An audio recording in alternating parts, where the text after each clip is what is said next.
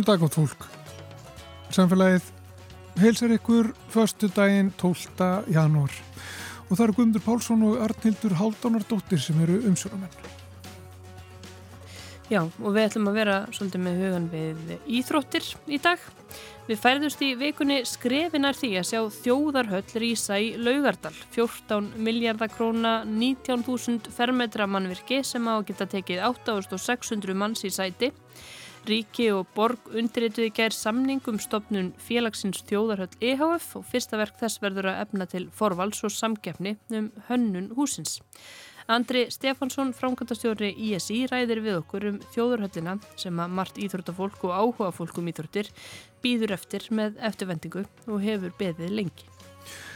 Og meira þessu tengt Ísland mætir Serbíu klukkan 17 í dag á EM í handbólta, EM Karla sem fer fram í Þýskalandi. Og Ríkisútarpið er með sína útsendara í München þar sem leikir í riðli Íslands eru spilaðir. Og eitt þeirra er Einar Örn Jónsson íþróttafréttamaður. Við ætlum að spjalla við hann á eftir ummótið Við heyrum svo málfarsminútu og svo verður skortýraspjall á dagskrá í lók þáttar. En byrjum á þjóðarhöll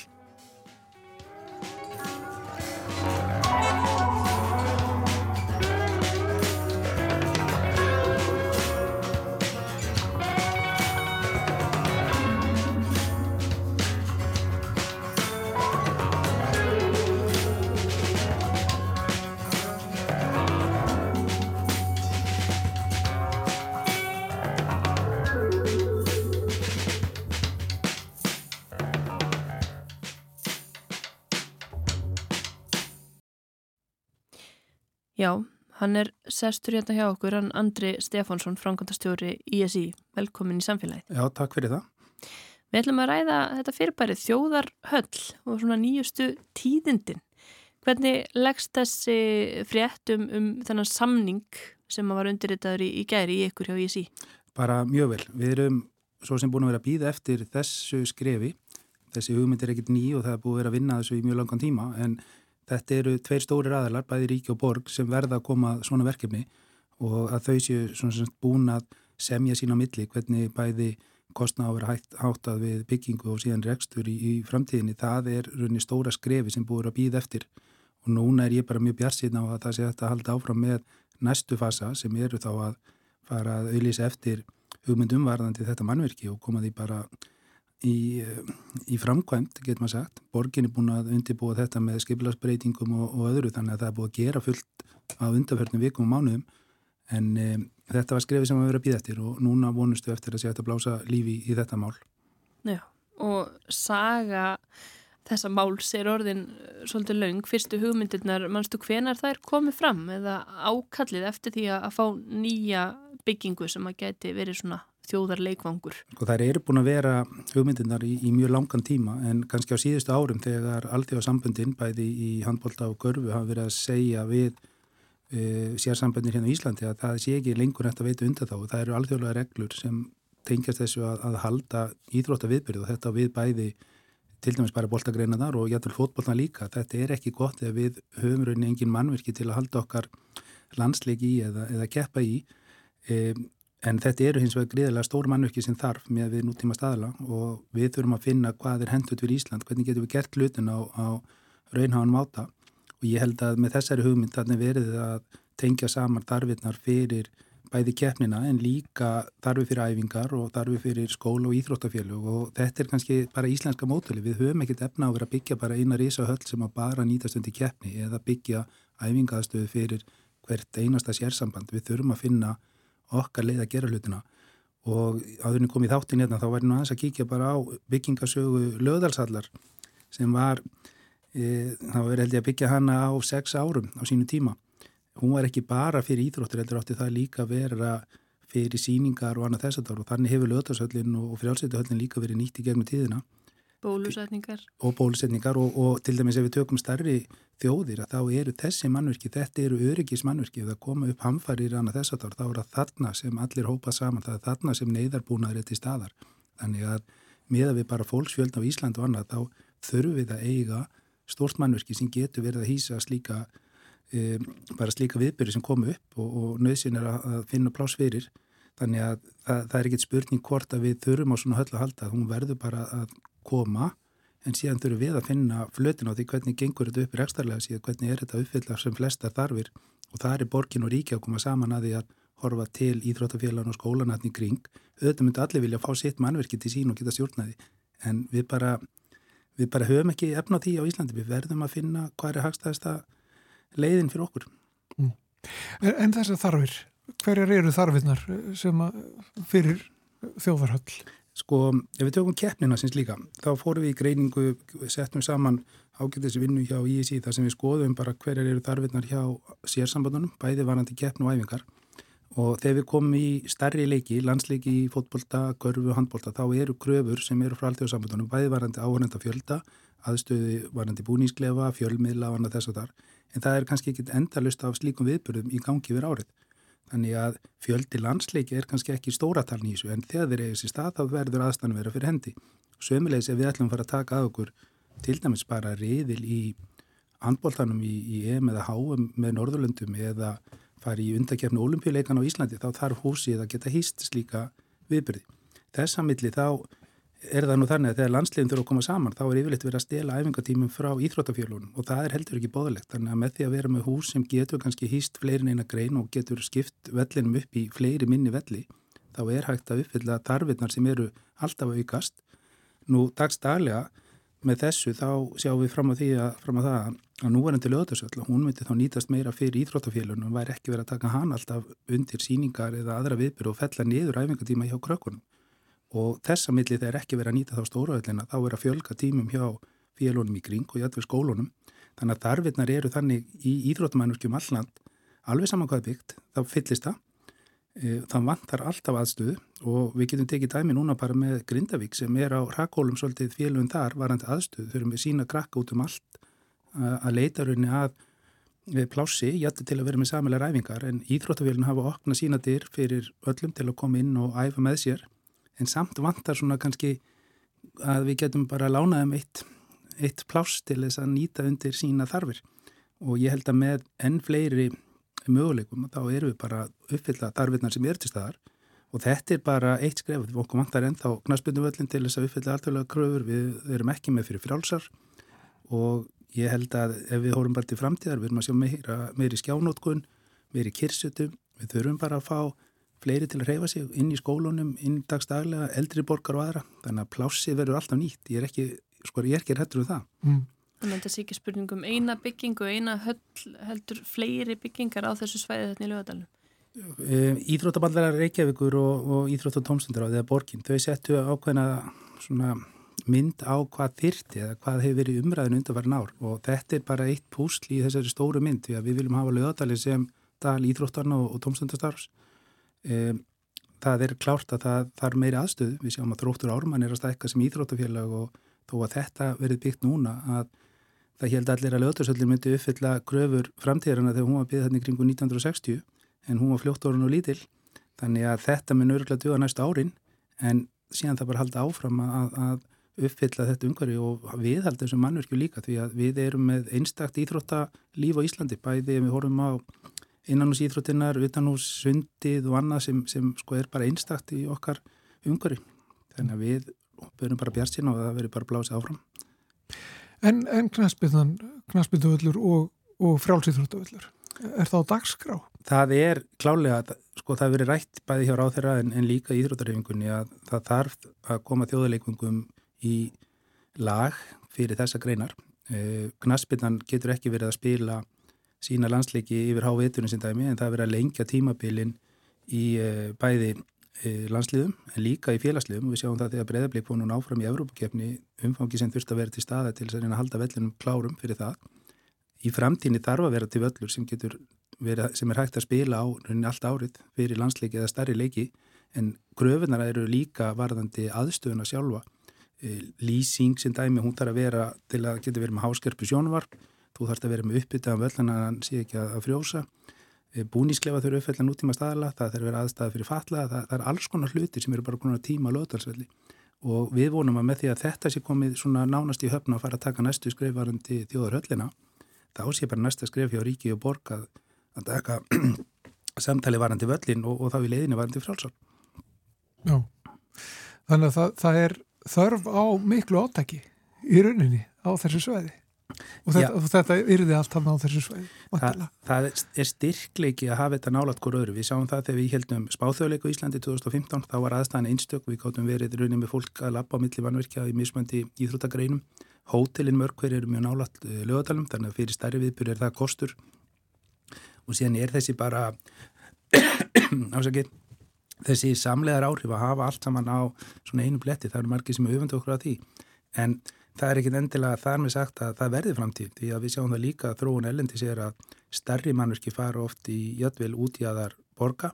Það er jötvel verið að byggja upp ný hverfi í tengslu við slíkt, það eru verið að byggja upp vestlunarmiðstöðar, það eru jötvel bílastæði sem verið að nýta undir vestlun á, á degi til en síðan þeir eru starri viðbyrju þá eru þau nýtt undir e, þá viðbyrju sem eru íþróttavellinum.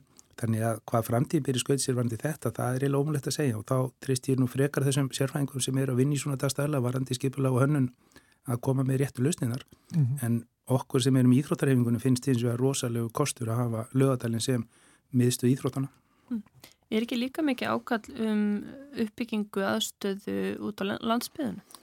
Jú, en þar snýst þetta líka um, það er svo margi þættir sem koma saman. Um, ef við horfum bara á breytingarna sem urðu á sínum tíma með íþróttarlögum og það sem að vera að setja kröf og allir á Íslandi, all börn þurft að læra að synda og að íþróttam semst í skólunum væri fasti tímar fyrir íþróttir. Það gerði verkum þá voru byggð félagseimil og íþróttahús og sundlar hringinni kringu landið.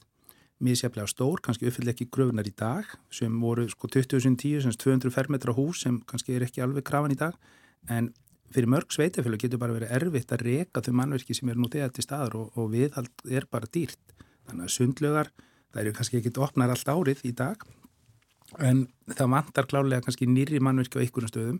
Það vantar líka þekkingu, þjálfara sem dæmi, þeir er ekkit alltaf út um all land, það er ekkit allar íþróttagreinir í bóði út um all land, þannig að krakka sem eru kannski eh, kannski á norðausturlandi, þau kannski fá ekki sumi tækifæri eins og þau sem eru hérna á höfbrukarsan og við þurfum einhvern veginn íþróttarhefingin og samfélagið að fýnda nefna samfélagið því þáttum heiti það nú að við þurfum einhvern veginn að, að tryggja það að það er fólk í staðar um all land sem getur bóðið upp á þessa möguleika fyrir krakkana því að þau eru framtíðin okkar og við viljum allir geti fundið sér íþrótt við hæfi og íþróttarhefingin sé fyrir alla, öllum aldri og þá vantar auðvitað mannvirki en við getum ekki verið kannski að krefjast einhverja reysa mannvirki allstaður á landið. Nóriður gerði það á tímpili að óskeftir að það væri þjóðuleikungar fyrir allar íþróttagreinar og þeir ætlaði að dreifa það maður sem Nórið en þegar þeir fóru sína að halda starri viðbyrði þá komu gröfur um að það mátti vera hámas fjarlæð frá alþjóðlegu fljóðalli.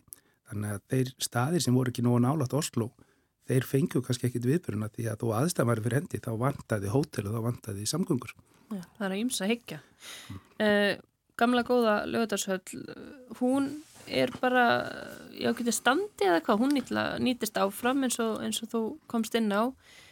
Er, er, já, þarf eitthvað að huga viðhaldi á henni eða, eða er hún bara Alveg klálega, nei, alveg klálega. Það er búið að vera mikið viðhald þar í gegnum tíðina, bæði verið að skipta um golf uh, inn í stóra salunum, það eru, ég keiri fram hjá, eða lappa fram hjá höllin á hverjum degi og maður sér það eru verið að gera breytingar á andirinu eða, eða hín og þessu. Um, þetta er náttúrulega svona húsið okkar allra. Þetta er verið að notend undir tónleika, það er verið að notend undir síningar, stærri viðbyrði. Um, kosturum við að byggja þjóðarhöll við hliðina á lögdagsöll er samnýtingin á svona hvað segja, samilegri þjónustu, búnísklefar, starfsfólk og annað þess það er það sem verður að horfa í hafkvæmnina við að tengja þetta saman. Það er ekki hafkvæmt að vera með eitt stakt mannverki heldur til dæmis að væri hægt að nota lögutursöllin sem uppbytunarsalið að væri risa viðbyrjur á Íslandi. Og það hefur verið gert að, að tengja salina svolítið saman það eru stanni, viðbyrjur e, en hún er orðin batsins tíma og hún er og það er alveg verið í umræðinni hjá ykkurum hvort það ætti að rífa hann og setja nýtt mannverki þar en, en við viljum heldur ekki missa hana við þurfum að hafa eitthvað meðan við erum að byggja starri byggingu. Og það er sama við með fótboltan hvað væri við að gera ef allt í unnu fótboltavöldurinn, lögtasöldurinn væri bara látin fjúka og, og ætti að byggja nýjan? Það þarf að hugsa þetta í lausnum. Og ég held að þessi laus sem bæði framkvæmdanemti var búin að vera að koma að með, með og og svona þessar hugmyndir sem eru þar það er bara rétt að leiðin. Mm og staðsendingin er þarna, það er sunnan við við lögðarsellera. Já og það tengist eh, fleiri þáttum þarna er lóð sem, sem klálega hægt er að nýta undir þetta, það er kannski ykkur sem velta fyrir sig sé nú og stór, en þá kemur líka hinn að, að fremtíðin kannski tengist borgarlínu að hún sé að fara í gegnum söðunarsbyrjuna, hvernig sem hún verður uh, hönnuð. Þannig að fólki er að fara rauninni beint af stoppustunni þar bara inn í húsið og inn í höllina sjálfa og það er kannski þessi samlegar áhrif líka, mann er að horfa til framtíðar, hvort sem það er þessu höll, lögadalni, hilsinni eða bara fólkið og, og samgöngur í, í borginni. Bara svona í blá lokin, Andri, þú hefur trú á því að þetta verði að veruleika núna. Þetta hefur gengið svolítið skrikkjátt fyrir sig, það er búið að fresta þessu. Það átti að klárast 2025, þá átti bara að vera risin í þjóðarhöll. Já. Þú er ekkert ágjör af því að þetta sé, já. Nei, ég, ég er bara mjög bjartinn. Ég held að það náttúrulega byggið svolítið á að pólitingin klára þetta mál og halda áfram að fylgjast eftir að það fari tölur inn í fjármála á þennu ríkinu næst til þess að standa undir kostnaði. En ég held að þeir sem hafa verið að vinna þessu meðal annars með því að tryggja það að í skiplasmálum sé að gert ráð fyrir þessu og það sé búið að undirbú allt með réttum hætti. Það þýðir að það er þá kannski hægt að taka þetta aðeins hraðar þau skrif sem býð okkur núna.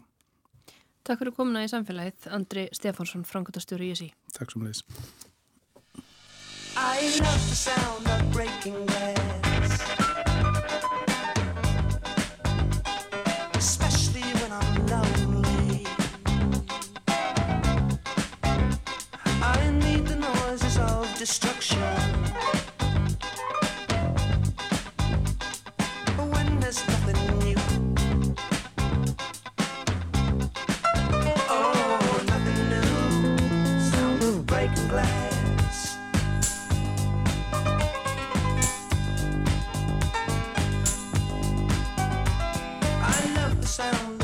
looking great.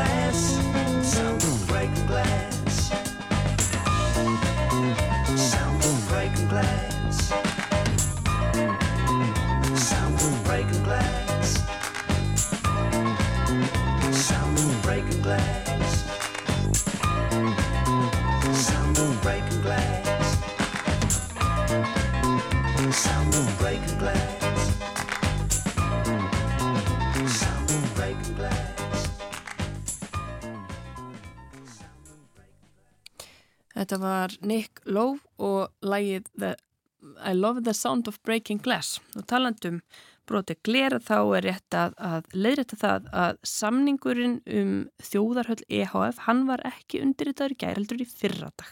Höldum því til að EM í handbólta hófst í fyrradag í Þýskalandi og fer þar fram í nokkrum borgum. Ísland er með sitt lið þar eins og við þekkjum og íslenski riðillin, það er sériðill, hann fer fram í Munhjen og Einar Örn Jónsson, íþróttafréttamaður, er þar. Uh, Einar, hvað ertu statu núna? Herði, ég er statur bara upp á hótelherbyggi að telja niður mínúturnar þangað til að við förum upp í höll að, byrja allan undirbúning fyrir leikinu eftir. Já, og hvenar komist inn í höllina? Við förum einhvern tíðan bara meðan daginn, leikurinn er klukkan 5 hérna að þýskun tíma, 6, uh, nei 6 að þýskun tíma segir 5 að, að íslensku tíma, þannig að við verðum komin hérna einhvern tíðan um, um 2-3 leitið að, að okkar tíma. Já, ég var að byrja bara að þess að fara yfir sko, skipulag svona móts. Eh, Þetta eru hvað marga þjóðir sem að taka þátt og hvað margir riðilar og svo framvís. Það eru 24 þjóðir sem að taka þátt og er skipt í, fjögur að liða riðla. Þannig að það er alveg, uh, svo dreifist þetta um landi sko. Þetta eru sex riðlar náttúrulega, já, að það eru 24 þjóðir og, og það er dreifast hingað og þangað svona í þessar helstu stórborgir, Berlín, uh, Hamburg, Köln, Mannheim, München og, og fleira. Og af þessum 24 komast 12 áfram í tvo milliðiðla, það sem að hlutindin fara virkilega að gerast, þannig að það er helmingu liðana sem að fellur út bara stra- strax eftir þessa riðlakeppni, þannig að það má eiginlega hvergi mistiga sig ef það á ekki að fara illa í, í þessum riðlum, þannig að það er mikið undir í, í hverjum einasta leik og engin leikur einhvern veginn gefin eða, eða auðveldur og úslitin á þessum fyrstu tveimur keppnustöðum hafa alveg sínt manni að, að svona þessi meintu minni lið eða, eða lakari lið eru bara hörku góð og, og velja stórliðunum verulega undir ykkum í, í fyrstu leikjunum. Þannig að þetta verður, verður strempið og strempið bara fyrir öll liðin sem er að keppa hérna. Já, og Ísland er í riðli með Serbíu sem að við keppum við í dag, eh, klukkan 5 í dag, Ungverjalandi og Svartfjallalandi. Er þetta sterkur riðil?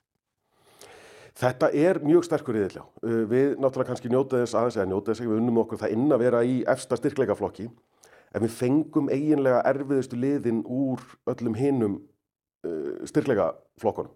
Við vorum segast efstir og, og fengum svo Serbana úr, úr þriðja styrkleikaflokki og Svartfjallaland úr fjórða styrkleikaflokki og við hefðum vissulega geta fengið, það voru erfiðari lið í öðrum styrkleikaflokki en það var búið að útluta þeim á riðla fyrirfram. Þannig við gátum ekki lent á móti þjóðurinn til dæmis sem fengum ungverja sem eru svona eiginlega besta liðið úr öð- öðrum styrkleikaflokki. Þannig að við svona fengum óheppilegan drátt en það er nú lítið þetta kvarta undan, undan í hvernig er dreigið í þessa riðla. Þetta er bara það sem að koma upp úr pottinum eða hattinum og, og menn þurfa bara að taka því að þú ætlaðir einhverja hluti á svona móti að þá þarftu bara að vinna þær þjóðir sem þér er útlutað í, í þessum riðleikjum öllum. Þetta lið sem við mætum núna klukkan 5, Serbar, hvernig líst þér á það? Mér líst ágætlega á þetta. Serbar eru, eru góðir en ekki svona fyrirfram á þessum fræga ef maður fyrir einhver svona pappirsútrekninga þá eru þeir ekki jafn góðir á, á pappirunum og, og við en það hefur bara svo lítið að segja þegar út í, í leikin sjálfan er komið. Serbar hafa alltaf verið mjög vel skólaðir í, í handbólta og þessi gamli júgoslæniski handbóltaskóli er mjög, mjög sterkur og, og öflugur þeir eru með góða einstaklinga í, í öllum stöðum. Við erum það bara líka og, og svo það bara að sjá hvernig það, hvernig það smellur allt saman. Þeir eru stærri og þingri en við en við erum þá minni og, og, kvikari og það er svolítið svona leikplanið held ég hjá íslenska liðinu að, að nýta þennan hraða og reyna svolítið að keira yfir þingri og hávaksnari serba. En ef, að, ef að þeir ná að stýra hraðanum og þeir ná að stýra leiknum þá getur, eh, getur þetta orðið mjög erfitt fyrir, fyrir íslenska lið. Einhvern veginn svona að reyna að hrifsa til sín völdin í leiknum aftur ef að serba náðum á annar borð. Íslenska liðið, hvernig er svona ástandið á því? Sko? Eru, eru leikmenn heilir uh, og er, er búist til því að, við getum telt fram okkar sterkasta liði strax í byrjun? Já, það eru allir heilir uh, meðislalega. Uh, Elvar Örn Jónsson og Gísli Þorgeir Kristjánsson voru meittir en náðu sér báðir tímanlega fyrir þetta og, og eru bara klárir í, í slægin og spiluðu báða þessa uh, æfingarleiki sem við spiluðum við Austuríkjum síðust helgi. Hins vegar var Viktor Gísli Hallgrímsson okkar aðal markmaður var lasinn á æfingunni í gær. Þannig að vonandi eiga, eiga læknarnir eða, eða bara ónæmiskerfið hjá Viktori sjálfum eitthvað í pókahotninu til að koma honum í standverðinu leiki í kvölda því að náttúrulega, við erum bara með tvo markmenn í hópnum og ef annar þeir er veikur þá er þetta orðið, orðið pínu erfitt fyrir einn markmann að standa vaktina allan leikin. Þannig að vonandi nær Viktor Gísli sér og vonandi var hann bara eitthvað aðeins slappur. HSI vildi nú ekkert endilega segja nákvæmlega hvað var að, hrjá hann. Hann var bara lasin og var ekki á æfingu, æfingunni en vonandi uh, nærinn að hrista þetta af sér áður en að kemur að, leiknum í kvöld. Annars eru allir, allir heilir og, og klárir. Það eru 18 leikmennin úti og 16 spila leikin í kvöld. Þannig að það er hausverku þjálfarana að finna út hverjir, hvað tveir verður upp í stúku. Eh, Það er nýri landsliðstjálfari og þetta er svona hans fyrsta prófraun. Eh, Hvernig lítur það út?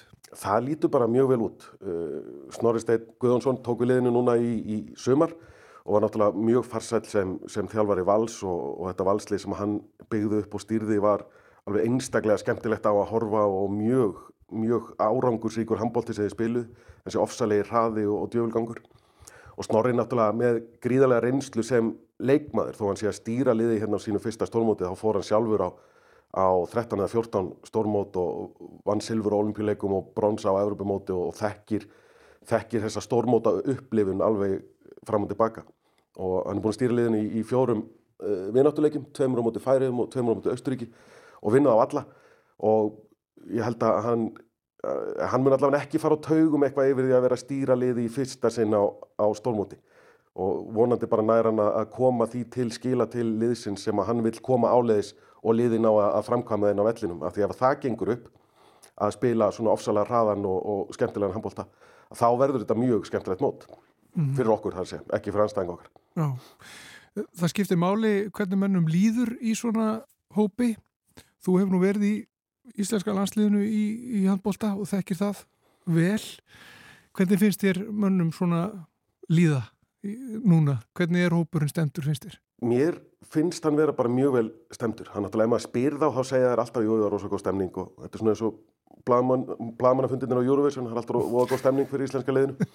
En svona svo hefur við verið að fylgjast með þeim aðeins á æfingum og, og á þessum fjölmjöla hittingum og það er mjög létt yfir, yfir mönnum, það er mjög stutt í einhvern svona enga húmór leikmanna á milli og, og, og það verðast allir einhvern veginn það geta allir leikið við alla ef ef við orðum það svoleiðis. Og það er rosa rosa jákvætt merki oft að, að því að þetta er þú, þú þarft að geta treyst í að félagin muni hjálpa þér og, og bakka þig upp ef, að, ef þú lendir í vandræðum í, í leikjum og, og, og svona rosa erfitt að útskýra þessa tilfinningu einhvern veginn sem að leikmenn og lið fá þegar þau finna samheldni innan sinna raða. Þú getur ekki, það er ekki hægt að þvinga þetta fram, þú getur ekki búið þetta til en þú finnur fyrir því þegar þetta er til, til staðar. Og það er náttúrulega bara þessi, þetta skrýtna líffæri sem við erum með þarna efst á, á líkamannum sem, sem að stýri þessu og það er rosa erfitt að veginn alltaf setja fingur nákvæmlega á hvað það er sem að gerist en, en leikmenn og lið finna það þegar það gerist.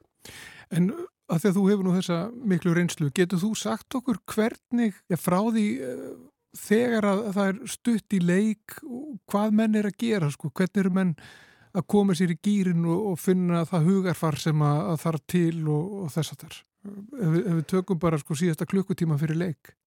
Já, þá eru menn, já svona kannski síðustu tvo tímana eru menn svolítið bara í sínu, hvað við segja, sín, sínum vana. Menn eru með alls konar rútínur, meðvitaðar og ómeðvitaðar sem vilja fara í gegnum áður en að kemur að, að sjálfum leiknum og svo einhvern veginn þegar að þú ert komin inn í klefa rétt áður en uppbytun byrjar þá ferðu bara svona í sjálfverknina. Þá bara ferðu og, og hitar upp eins og gerir alltaf, liðið hitar upp nákvæmlega eins og gerir alltaf og þá er þá er í rauninni svona, þessum personubundna undirbúningi er lokið þegar þú kemur í, í höllina til að byrja að loka undirbúningin. Þá eru menn búnir að fara í gegnum allt sér, sumir vilja fara í göngutúr, einhverju vilja kannski taka bara östu æfingu, fara aðeins í, í liftingarsalun og örlítið að, reyfa sig, aðrir bara leggjast og, og, og stara á veggin, stara út í tómið bara í, klukkutífum í einhverju íhugun og það er rosa misjamt og personubundið hvernig, hvernig menn gera það og yfirleitt gefa lið og, og þjálfar að gefa mönnum alveg svona rými til að fara í sinn persónlega undirbúning sem að hendar þeim best. En svo svona einum og hálfum tíma fyrir leik þá byrjar, byrjar liðsundirbúningurinn og þessi, þessi fysíska upphittun og menn svona koma sér í loka, loka gýrin, sjúa í sig eh, höllina, sjúa í sig einhverja stemningu sem er í höllinni og, og sumir ganga á milli leikmanna og vilja gefa öllum fimmu og klappa á brjóskassan og öllum. Aðri vilja bara fá að vera einir einhver stöður og fá bara að stara á einhvern bolta og undirbúa sig einhverju, einhverju ofsa innbyttingu. Þannig að það er rosa, rosa misjant hvað menn gera en yfirleitt fá þeir alltaf gott rými til að, til að græja sinn persónulega undirbúning þanga til að liði þarf að fara að þjappa sér saman og, og fara svona í liðsundirbúningin. Það, þetta skiptir máli, gengi Íslands á þessu móti í sambandi við ólimpíuleikana sem fara fram eh, síðar á þessu ári, ekki satt? Jú, það hefur verið svona okkar keppikepli á síðustu stórmótum og bara ekki gengið að komast inn í, inn í undankeppni olimpíuleikana. Það eru mjög fá sæti sem að gefa beinan þáttugur eftir olimpíuleikana. Það eru bara semst álfumeistarar og heimsmeistarar og, og gestkefar sem að fá beint sæti, hinliðin fara öll í þessa undankeppni sem er núna í mars. Uh, við mistum af því sæti á heimsmeistaramótin í fyrra, Flest sætin voru, uh, flestum sætunum voru útlutað þar, en það eru tvö sæti í undankeppninni sem eru, eru laus á þessu móti, fyrir þetta náttúrulega Európumeistararnir fara beint. Þannig að við þurfum bara að passa okkur að vera annað tveggja liða sem að nær sæti á þessu móti uh, sem er ekki þegar komið inn í, inn í þessa fórkjörni. Það eru sjö lið sem að fóru í fórkeppni eða undankeppnina uh, í gegnum heimsmeistaramótið í fyrra og við þurfum að vera annað tveggja liðana á þessu móti sem er efst, sem er ekki eitt af þessum sjölið. Það hljómar pínu, pínu flókið og, og, og er það ennþá líka þegar náttúrulega ennþá 24 lið inn í þessu móti og við settum staðins yfir þetta fyrir mót og í versta falli þurfum við að ná þriðja sæti á mótinu til að komast í fórkeppni olimpíuleikana og í besta falli dugar 11. sæti. Þannig að það er algjörlega óljóst ennþá hvaða sæti nákvæmlega dugar okkur til að komast þarna inn en ef að öll liðin sem enda fyrir ofan okkur eru þegar komin inn í fórkeppnina þá komast við líka inn. En auðveldasta liðin náttúrulega bara að Európa-meistari. Já, já, nákvæmlega. Eh, Og hver eru líkundur á því, Einar Örn Jónsson? Þær eru góðar. Þær eru, mm, já, fínar, náttúrulega. Við erum, þú veist, það eru lið eins og Króatia og Slovenia og Serbia og, fleiri, fleiri góðu lið sem eru að berjast við það sama og við að ná þessum, þessum lausu sætum í, í undankjarninni. Þannig að þetta er ekki, þetta er ekki auðveld lið sem við erum að, að keppa við, en við getum ekki endalust alltaf setið eitthvað svo að þetta verður svo erfitt, það er svo sterk lið sem við erum að keppa við og þetta lið er svo gott og þetta lið er svo gott. Ef við- teljum okkur vera eitt af þessum góðu liðum, þá getum við ekki kvartað undan því að vera alltaf að mæta öðrum góðum liðum. Við þurfum bara að vinna þessi lið og vinna okkur inn þessi sæti og þann, þá stöðu á þessu móti sem við teljum okkur eiga, eiga skilið.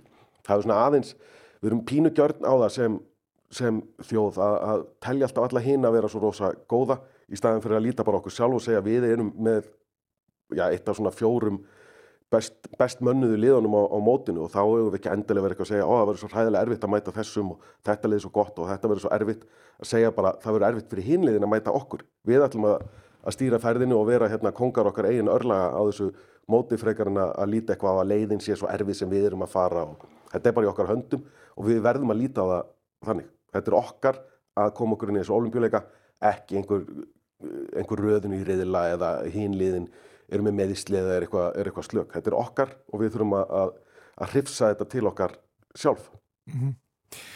Skipulagið þessu móti það fer fram í, í Þýskalandi fyrsta sinni það ekki sem að er haldið þar?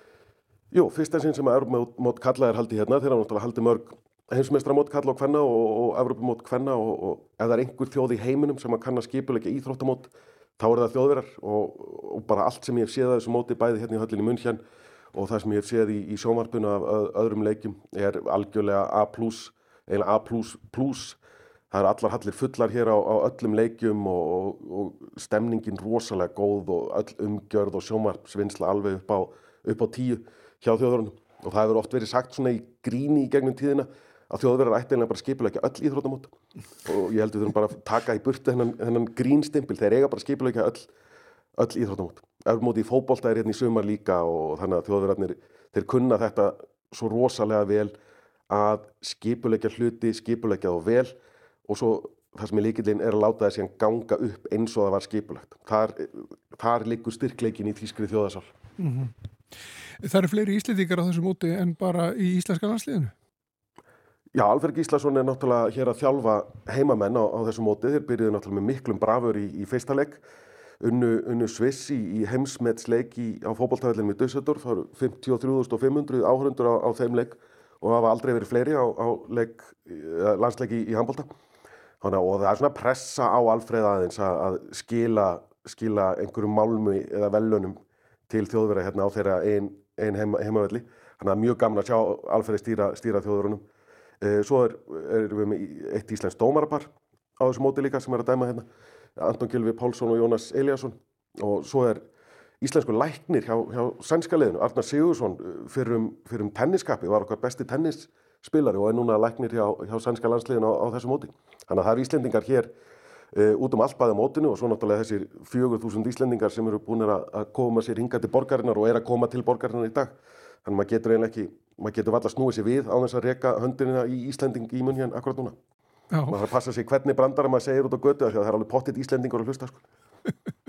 Og svo getur þú hlusta á brandara þjóðverðina að þú ert náttúrulega þýskumennandi. já, það hjálpa til, það hjálpa mikið til það léttir alla stemningu þegar maður getur ávarpað alla á þýsku Já. erum alltaf búið að hissa, ó, talar þýsku Já. Svo eru færiðingar á þessu móti líka sem að, heldur betur sem að og, og það eru margir eh, sem að fylgja þeim. Já, þeir færiðingar er að vinna okkur sko, bæði í, í höfðatölunni sem að okkur Íslendingum er svo opbáslega andum og svo náttúrulega bara líka í hreinum fjölda. Það eru 5.000 færiðingar sem að fóru eh, frá, frá eigunum og til Berlínar þar sem að færiðska liðið er að spila.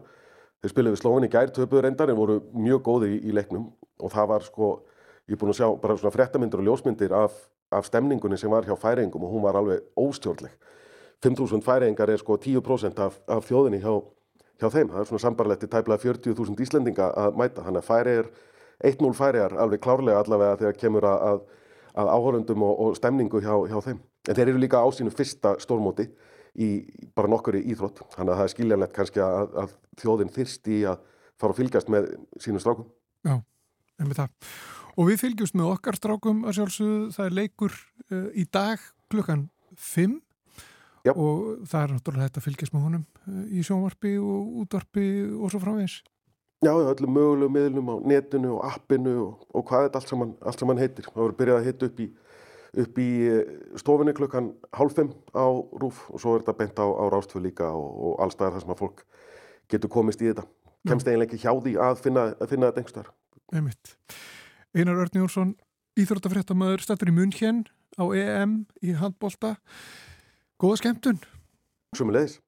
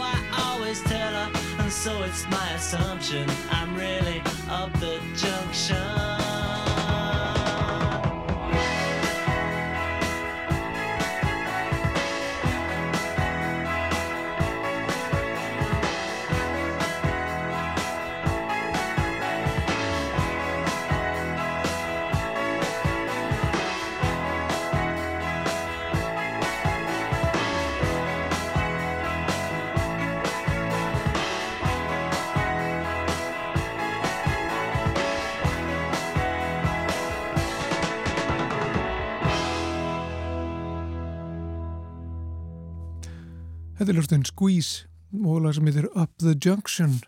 Við erum enn eftir að heyra viðtal við Björn Hjaldarsson, dýraspjall, hann ætlar að tala við okkur um uh, skortýr, en hann er ljósmyndari, náttúru lífs ljósmyndari. En fyrst heyru við eina málfarsminútu.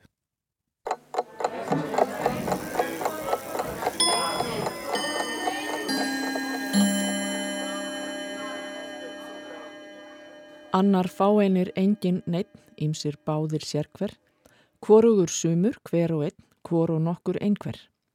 Þessi minnisvísa auðveldar okkur að muna óákveðin fornöfn. Hún er ekki tæmandi því óákveðinu fornöfnin eru fleiri. Talsvert langt er síðan farið var að nota orðið maður sem óákveði fornöfn og það er svo algengt að það er komið í orðabækur. Það gegnir sama merkingarlega og setningarlega hlutverki og önnur óákveðin fornöfn. Orðin þú, mann og kona eru líka oft notuð með sama hætti. Þú verður óakveði fornafnað enskri fyrirmynd og er sem slíkt komið í íslenska nútímamáls orðabók. Það er þó ekki mert sem óakveði fornafnis og maður. Kona og mann eru sambærileg við fornafnið maður en hafa þó ekki verið skilgrend þannig í orðabókum. Ekki enna minnstakosti.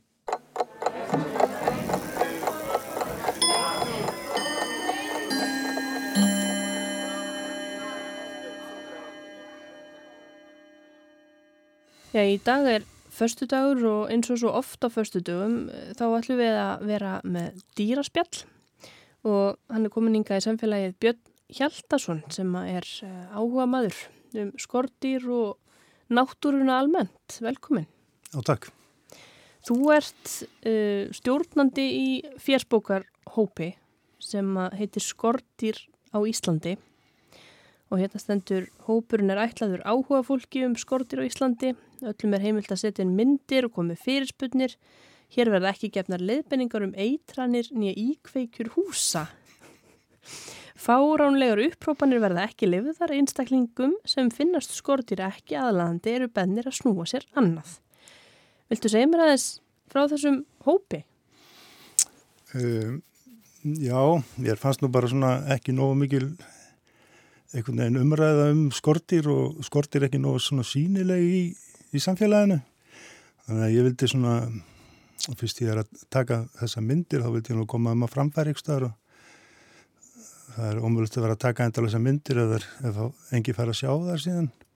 Þú ert svona náttúru lífs ljósmyndari í rauninni. Þú ert að taka ógrinni mynd af skortirum og, og fugglum. Já, jú, jú, gerir það. Og plöntum, ég byrjuði nú mikið bara að taka mynd af plöntum íslensku flórinni og um, við það notaði makrólinsu og þá fór hún að koma inn á sko, myndirnar svona einn og einn patta og þá sá ég að þannig var tækifæri til að, til að mynda og, og síðan hef ég svona þróað það áfram svolítið. Já. og svolítið, já það eru eh, mjög fáir sem hafa sko einbeitt sér að því að, að mynda skortir hér á landi. Þannig að þetta var svona alveg, alveg kjörið og ég hef svona þróað þetta aðeins áfram og, og masterað Hvers hefur orðið vísari? Hvað hefur lært um, um skortir meira en þú vissir áður eftir að þú fórst að skoða dýrin svona í miklu návíu með hjálp makrólinsunar? Mm, Það er nú bara ímislegt sko, fyrst og fremst bara hvað þetta er frábær og heillandi, heillandi heimur þegar maður fer að skoða svona í gegnum linsuna og, og, og, og hvað eru bara skemmtileg, skemmtileg dýr. Já, oft litrík, glansandi. já, já, já, já, mjög falleg, mjög falleg. En það eru svona sko dramatískar myndir úr, úr lífi skortir hana oft. Já. Nú er ég bara aðeins að við, þetta er nú bara garðigla já sem lítur bara út eins og grein eiginlega alls konar fyririldi það geta verið hansi góðar í að þykjast eða ekki og svona fallin í umhverfi sitt Jú, jú, með svona felu, felu, felu liti sko. Já. Þú hefur nýlega byrt myndir af skordýrum sem að eh, láta á sig kræla á veturna og núna síðast byrtur hérna mynd af æða skjanna. Æðaskjana, já. Sjálfgefur slæðingur fyrsti fannst 87 og þetta er fyririldi, er það ekki? Jú, jú, Sem er talið koma hingað með jólatrám. með jóladram, já. Það gerist þá þannig að, að þessi jólatríðanu held ég yfirleitt hérna, flutt inn frá Danmörku. Og það gerist þá þannig að, að, að haustinu þá skrýður lerva upp, í, upp á greinar trésins og festir sig þar og púpar sig. Og síðan er tríði skorið og, og, og sendt til Íslands og það er stungið inn í stofaukstar og inn í hitan og þá heldur náttúrulega danskt það, það sé komið Já, og, og klegst út og, og flýgur á stað. og þetta er svona sko eiginlega neon grænt eh, vængirnir. Já, þetta er afskaplega fallegt. Já, En það er þetta fyrildi, þetta, þetta tilir svo kallum dagfyrildum. Það eru þessi stóru litriku fyrildi sem að maður sér í útlöndunum. mhm, En við höfum engin slík fyrildi hér. Það eru tvær tegundir sem sem að koma hingað svona árlega sem geta flóið sjálf. En eh, við, það, það er engin landlæg, landlæga tegundur hér á dagferðilum. Nema þetta, æðaskannin á sér náskilda tegund sem heitir engjaskanni og kemur hingað oft með vöruflutningum og slíku.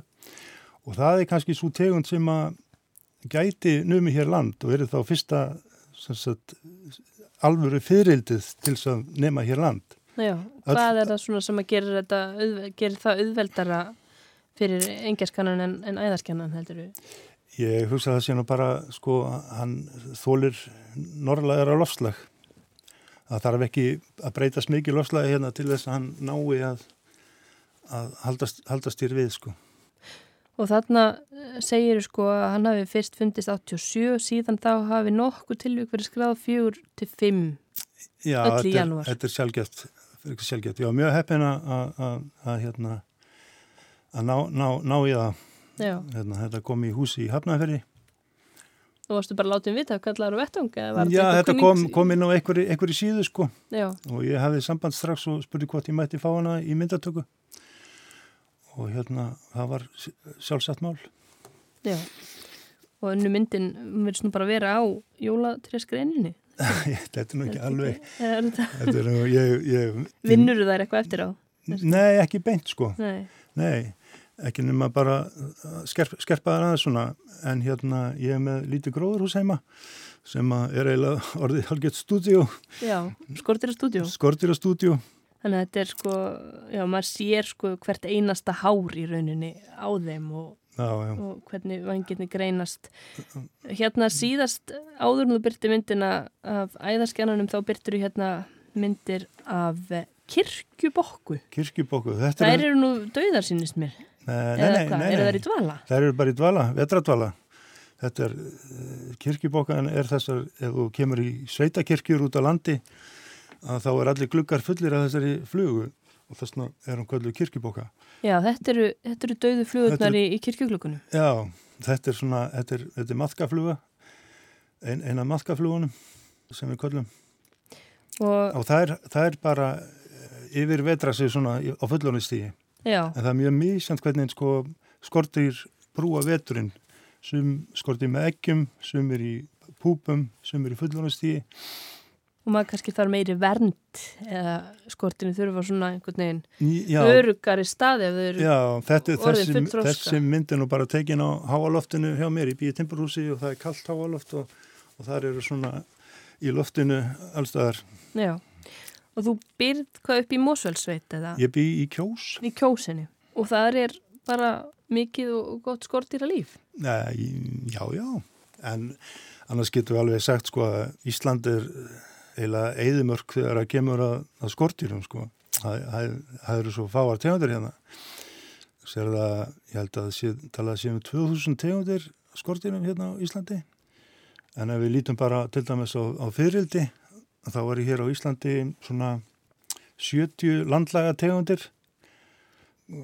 Innan við 200 hafa fundist hérna en til dæmis eins og Breitland segjum að þá eru tegundur að fyririldum kannski 3000 Já, þannig að þe- þetta er ekkert sem er hérna sko. já. En það horfir til bóta ef svo má segja, en nú fer lofslagi línandi, mm, það fer ekki jú, skortýrunum fjölgandi líka heldur. jú, það er alltaf að bæta svona ein og ein tegundið sko. Hefur þú sjálf fundið nýjar tegundir? E, já, ég fann, ég kom á Eilstaði í fyrrasumar og stutta heimsókn og og þá er mér svona litið hérna, sitt út á, á palli og mér litið svona að sé eitthvað skrítið og fyrir að skoða þetta annar. Þá var þetta bara nýtegund fyrir landið og hún var bara orðin að sé algengarna á, á hérna á eilstöðum og, og nákvæmni þegar var litið eftir því. Hvaða dýr var þetta?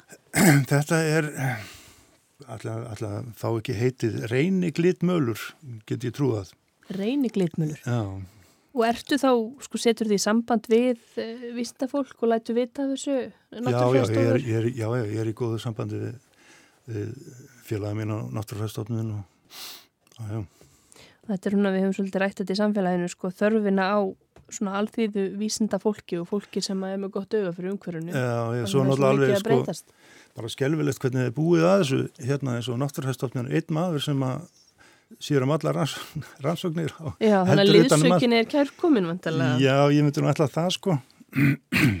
Hérna er líka nýleg fæsla á, á síðunni Skortur Íslandi um örsmáar flugur sem að þú segir að hafa verið á sveimi í hýbílum þínum.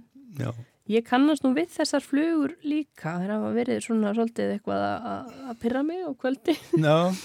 Það er sitt við ljós Já, já. Verða þær forvittnar þetta segiru að sé fylgifiskur pottaplanna, lifa þær bara Já. veturinn með því að nærast á einhverju sem það finna í pottum? Þetta er, þetta er, ég er verpa vantala í, í moldina sko.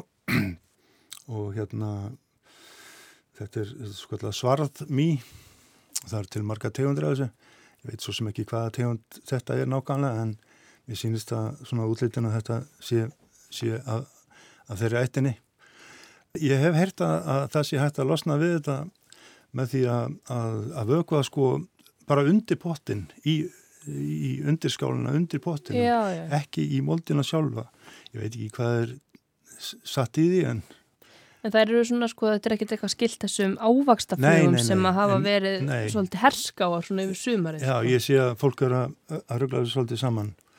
Nei, það er, eru aðalega bara í, í, í kringum ruslaskápinn sko. Mm. Ég bara tók eftir því sko að þær hafa verið svolítið hérna hjá mér í svona síðsumars hef ég orðið vörð við þessar ávastaflugur sko en þessar já. eru öðruvísi, það eru bara einu og tvær eitthvað þrjár já, já, og hafa ekkert verið að fjölka sér svona í gríðu erga svo þessar ávastaflugur sko. Nei, nei. En uh, sko hvað er það í rauninni við skordýrin og náttúruna sem að heita þér svona og, og, og farið til þess að vilja, vilja kynast þeirra lifnaðar háttum? Ég veit það ekki, ég er bara fættur með þessum ósköpum sko. Ég held að bara mínar fyrstu æsku minningar sem ég get svona tímasett, þar er ég eitthvað rún í skurði að leita föglum og reyðrum og ungum og svona og síðan hérna fyrst, fyrst var ég nú bara í, í föglum mest sko. Byrjaði ungur að halda dagbækur 13 ára gamal held ég byrjaði að halda dagbækur um allt sem, að, allt sem ég sá með fuggla og um, svo bara þróast þetta áfram. Maður... Þannig að þú ert að líkur heilmikið fróðleikur og skráningar eftir þig, þú með að segja gerði líka, var það ekki einhverja lýsingu á náttúru fari í, í kjósinni fyrir nokknu árum? Jú, ég hef gert, jú, ég hef skrifað um fuggla Sagt, og, og, og, og tekið saman hérna plöntutal líka fyrir kjós og kjálnis sem, sem er hægt að nálgast á, á, á, á vefnum sko. Já. Uh, Hvaða ástími er skemmtilegastur þegar kemur að, að skortýra ljósmyndun? Er skemmtilegra að standi í þessu sumrin með, með stúdióið þegar það eru fleiri tegundir? Já það er það náttúrulega það koma sko kemur svo mikið af, af, af flugum þegar maður er með gróðhús, kemur svo mikið inn sko.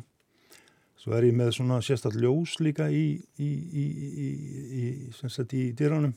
Já, þannig að þú ert að laða þær aðeins. Já, sem að, já, svona blacklight og það kemur, og, kemur mikið inn og, og maður þarf að dekstra það svolítið til sko til þess að fá það til að sitja fyrir sko. Ertu með veitingar þá?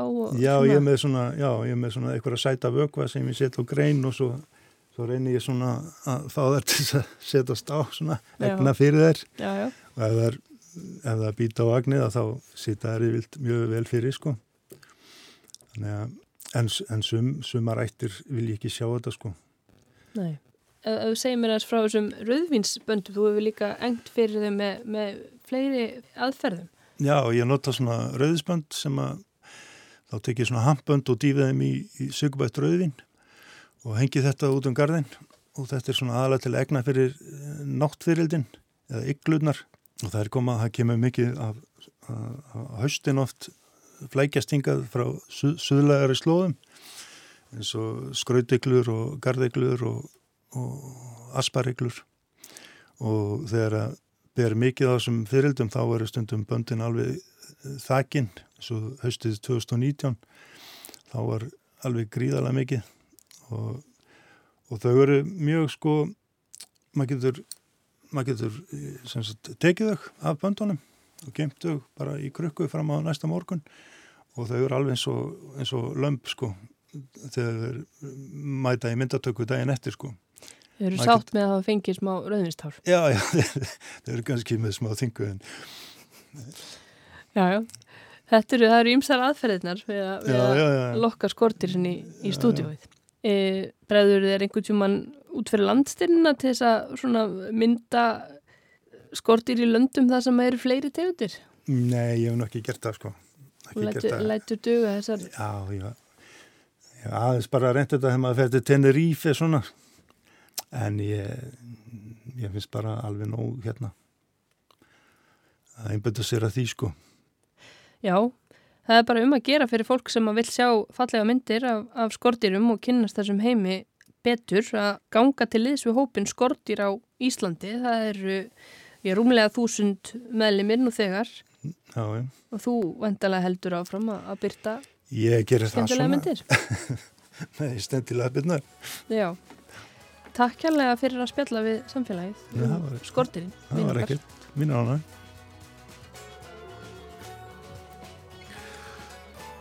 þetta, þetta saði Björn Hjaltarsson Já, í Og- dýraspjalli um þessara að viku. gera að kíkja á þessar myndir. Þær eru alveg kostulegar margar sko. Mjög flottar myndir, einmitt. En við komumst ekki lengra með samfélagið í dag. Nei, og ekki, ekki þessa vikuna. Við heyrumst aftur á mánudaginn, njótið helgarnar. Verið sæl.